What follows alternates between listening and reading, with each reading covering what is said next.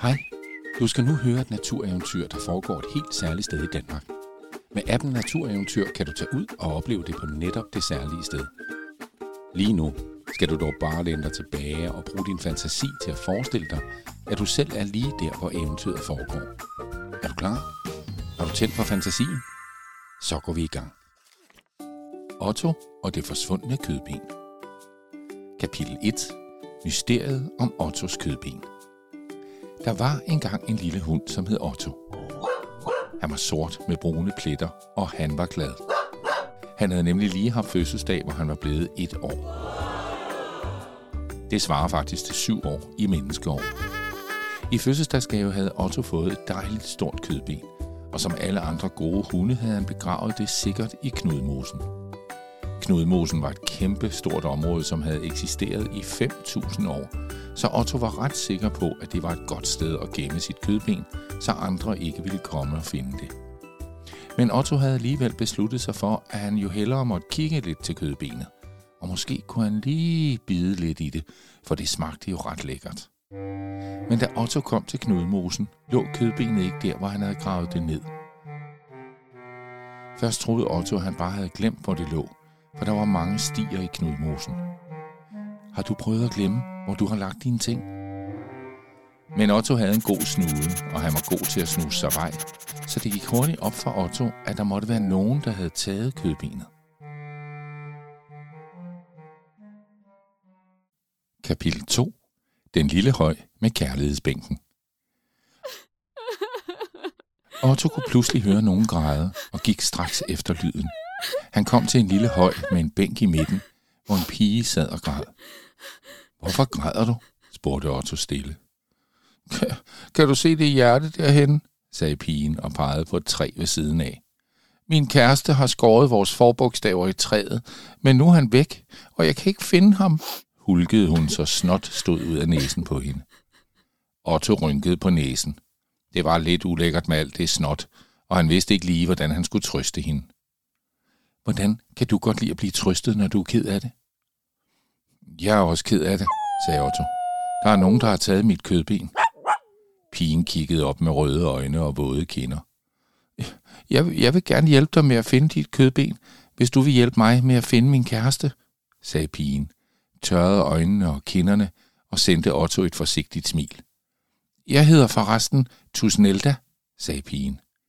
Og jeg hedder Otto, sagde Otto, og begyndte at snuse i jorden, og straks fangede han færden af noget besynderligt.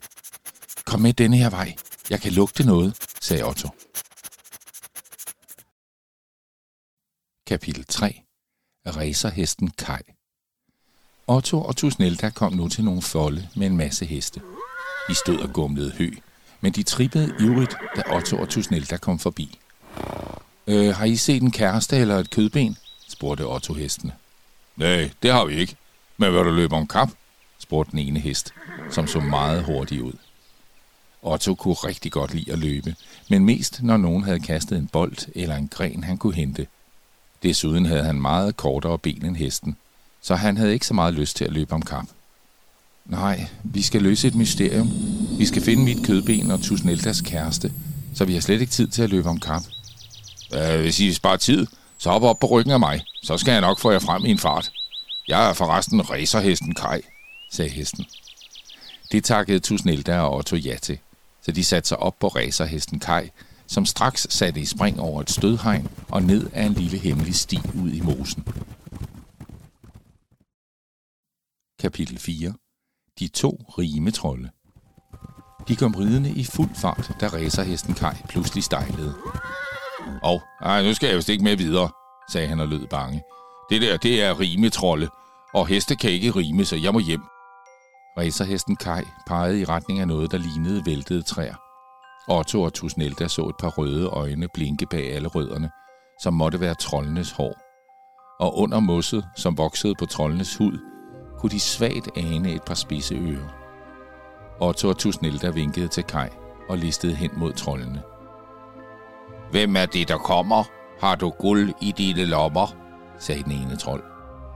Vi er Otto og Tusnelda, sagde Otto. Og, og vi har ikke noget guld. Vi skal bare finde et kødben og en kæreste. Har I set dem? Dem har vi ikke set. Har I i hele mosen let? spurgte trolden igen med en dyb røst. Kom, Otto, skal vi ikke bare gå videre? sagde Tusnelda bange. Du kan ikke komme her forbi, hvis du ikke har noget at give, sagde trolden så. Jamen, vi har ikke noget at give, sagde Otto. Vi mangler jo selv noget.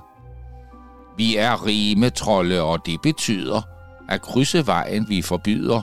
Hvis ikke du har noget af værdi, må du os tre rim give. Hjælp Otto og Tusnelda med at komme forbi rimetrollene. Du skal rime på tre ting. Hvad rimer på skov? Hvad rimer på nat? Hvad rimer på hus? Otto og Tusnelda rimede og rimede, og endelig gav rimetrollene dem lov til at gå videre. Kapitel 5 Mosekongens bro Otto og Tusnelda nåede lige at være glade for, at de var kommet forbi rimetrollene, da de kom til en bro over en lille kanal. Hvem er det, der tramper på min bro? lød det så pludselig nede fra kanalen. Otto og Tusnelda kiggede forskrækket ned i kanalen, men de kunne ikke se nogen dernede. Hvem er det, der tramper på min bro? spurgte den høje, bulrende stemme igen. Vi, vi, vi, vi var Otto og Tusnelda, sagde Otto med et lidt rystende stemme. Hvad vil I her? lød det fra kanalen. Øh, vi leder efter mit kødben og Tusneldas kæreste her i mosen. Har du set dem? spurgte Otto. Tusnelda stod lidt bag ved at bede negle. Hun kunne ikke lide, at hun ikke kunne se, hvem der talte. Jeg er mosekongen, og det er mig, der hersker over dette sted. Men der er mange farer, og man kan nemt komme til skade, hvis man ikke passer på, sagde stemmen så, og lød lidt venligere. Hvis I vil videre ind i min mose, får I brug for en tryllepind. Tryllepinden kan ophæve én forbandelse, så brug den med omhu, advarede mosekongen. Der landede en lille pind foran Otto og Tusnelda, og Otto tog den forsigtigt op. Han kunne godt lide at samle pinde, som blev kastet til ham. Hold godt øje med far, for de kan lure rundt om hvert et hjørne, sagde mosekongen. Kapitel 6 Tyttemor på bænken Da de havde gået lidt, så Otto og Tusnelda nu en gammel dame med et tørklæde om hovedet. Hun lignede en venlig bedstemor, og hun sad på en bænk omgivet af tyttebær. Så stivnede Tusnelda pludselig, og hun blev helt bleg. Otto, jeg tror, det der er tyttemor, viskede hun. Hun laver alle, der kommer forbi om til små tyttebørn, som skal bo i jomfruhåret rundt omkring hende. Kender du jomfruhår? Jomfruhår er en slags mos, som ligner små græntræer. Nu kiggede tyttemor på dem. Kom herover, små børn. Hvor ser I søde ud, sagde hun med en knirkende stemme. Men nu lyste hendes øjne gult, og hun lignede ikke en rar bedstemor mere. Otto og Tusnelda ville meget nødig laves om til små tyttebørn, for så ville det nemlig være temmelig svært at lede efter kødbenet eller kæresten. De ville løbe videre, men det var som om, at deres ben var blevet helt tunge. Tyttemor havde kastet en forbandelse over dem. Pludselig kom racerhesten Kai springende ind i den lille lysning. Han havde alligevel besluttet sig for at gå forbi rimtrollene. Hop op, sagde han. Vi sidder fast, sagde Otto. Vores ben er alt for tunge. Men så kom Otto i tanke om tryllepinden, som de havde fået af mosekongen. Det kunne ophæve en forbandelse. Otto kastede den ned i jorden, mens han råbte højt. Ophæv Tyttemors forbandelse! Nu kunne de bruge deres ben igen, og de skyndte sig at hoppe op på racerhesten Kai, som straks satte i løb. Kapitel 7. I sikkerhed igen. Bag dem kunne de høre Tyttemor kalde. Hun prøvede at lokke dem tilbage, men heldigvis var racerhesten Kai så hurtig til at galoppere, at hendes stemme snart forsvandt, og de var i sikkerhed. Vejen var fin her, og det var faktisk en flot gåtur. Racerhesten Kai gik helt roligt nu, så de bare kunne nyde vejen. De var lidt trætte af al den spænding, de havde oplevet. Racerhesten Kai forklarede, at han var ked af, at han havde lavet dem i stikken, og han syntes, det var bedre, hvis de var tre, i stedet for kun to. Ved du, hvad det vil sige at lade nogen i stikken? Det betyder, at man efterlader nogen i en farlig eller svær situation. De tre venner gik videre sammen, og de var glade for, at de havde hinanden. Kapitel 8 Mosegrisenes by Otto og Tusnelda fik nu øje på nogle mærkelige huller i jorden ved foden af en lille skrant. De hoppede ned for racerhesten Kai for at kigge nærmere på dem. Otto snusede til hullerne. Jo, den var god nok. Det var mosegrisenes huller. Ved du, hvad en mosegris er? En mosegris er en lille gnaver, som lever under jorden og spiser planterødder. Pludselig dukkede en lille mosegris op fra et af hullerne. Den så ud til at have travlt. Hej, har du set et kødben eller Tusneltas kæreste? spurgte Otto. Det har jeg simpelthen ikke tid til at svare på, sagde mosegrisen hurtigt. Jeg har travlt. Jeg skal grave, grave, grave hele dagen, og de forbistrede mennesker, som går og graver i jorden, de ødelægger vores gange. Vi må hele tiden starte forfra. Og så forsvandt den lige så pludselig, som den var dukket op. Otto og Tusnelda kiggede på hinanden.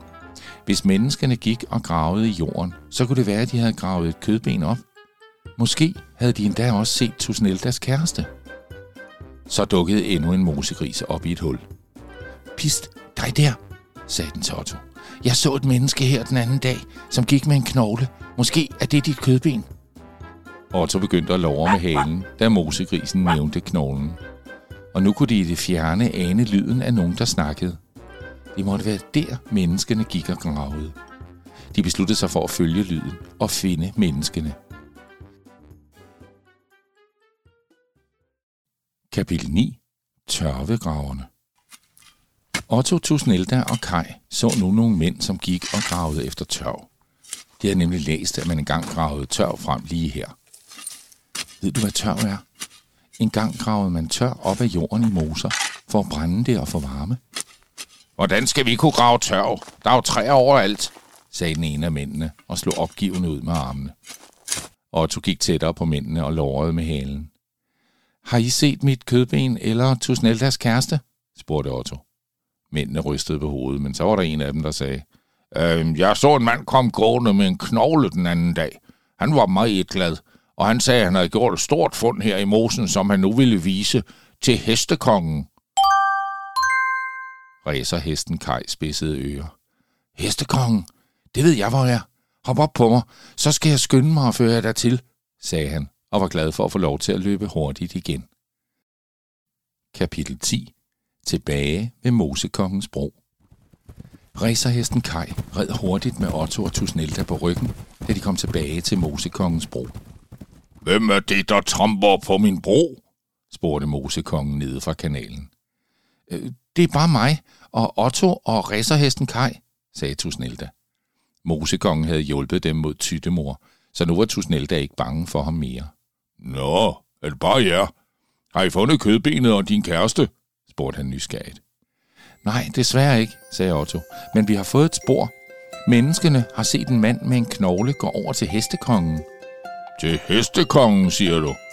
Jeg skal nok hjælpe jer med at komme derover i en fart, sagde Mosekongen. Og så satte han et par lynhurtige racervinger på racerhesten Kai, som nu var en racerflyverhest. Racerflyverhesten Kai så først lidt fornærmet ud. Han syntes nok, at han var hurtig nok i forvejen men da han mærkede, hvor stærke vingerne var, så baskede han hurtigt med dem, og de fløj afsted i en fart. Kapitel 11. Hestekongens slot Den sjove flok kom flyvende ind på hestekongens plads, da Tusnelda pludselig vinede og hoppede ned fra racerflyverhesten Kai, som kun lige nåede at lande. Tusnelda satte i løb, og Otto løb med, for hunde kan godt lide at løbe sammen med mennesker. Tusnelda kastede sig i armene på en ung mand med briller – som kom gående hen over pladsen. Min kæreste, min kæreste, endelig fandt jeg dig, græd hun. Men denne gang var det glædestår. Min kære Tusnelda, sagde den unge mand med brillerne og omfavnede hende. Undskyld, at du har ventet sådan på mig. Men jeg fandt denne knogle, og jeg måtte vise den til hestekongen, fordi jeg var sikker på, at det var en dinosaurknogle. Nu var det Ottos tur til at bjeffe af glæde. For Tusneldas kæreste stod med hans lækre kødben i hånden. Otto hoppede op, greb kødbenet og lovrede ivrigt med sin hale. Det her, det er ikke en dinosaurknogle. Det er bare mit fødselsdagskødben, sagde Otto, mens han slikkede sig om munden. Tusneldas kæreste så lidt flov ud, men så lå de alle sammen og dansede af glæde over, at de havde løst mysteriet om både kødbenet og kæresten. Lad os gå hen på legepladsen, sagde Tusnelda, og så løb de afsted.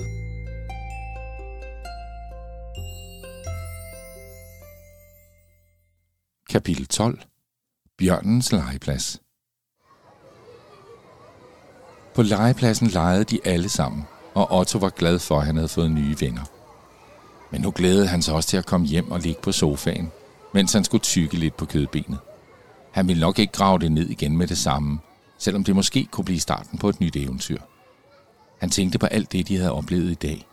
De havde mødt rimetrollene og den forfærdelige tyttemor. Men heldigvis havde de også fået hjælp fra nogle gode væsner i skoven. Uden mosekongens tryllepind eller mosegrisene og menneskenes hjælp var de aldrig kommet videre. Har du lyst til at se mosegrisenes by eller mosekongens bro? Så får din mor eller far, din mormor eller din farfar eller måske din yndlingsonkel eller lærer til at tage dig med en tur til Knudmosen, som ligger i Herning Kommune. Her kan du også prøve, om du kan rime med rimetrollene og flyve med racerflyverhesten Kai. Download den gratis app Natureventyr og lad den guide jer rundt på eventyr langs smukke ruter i den danske natur.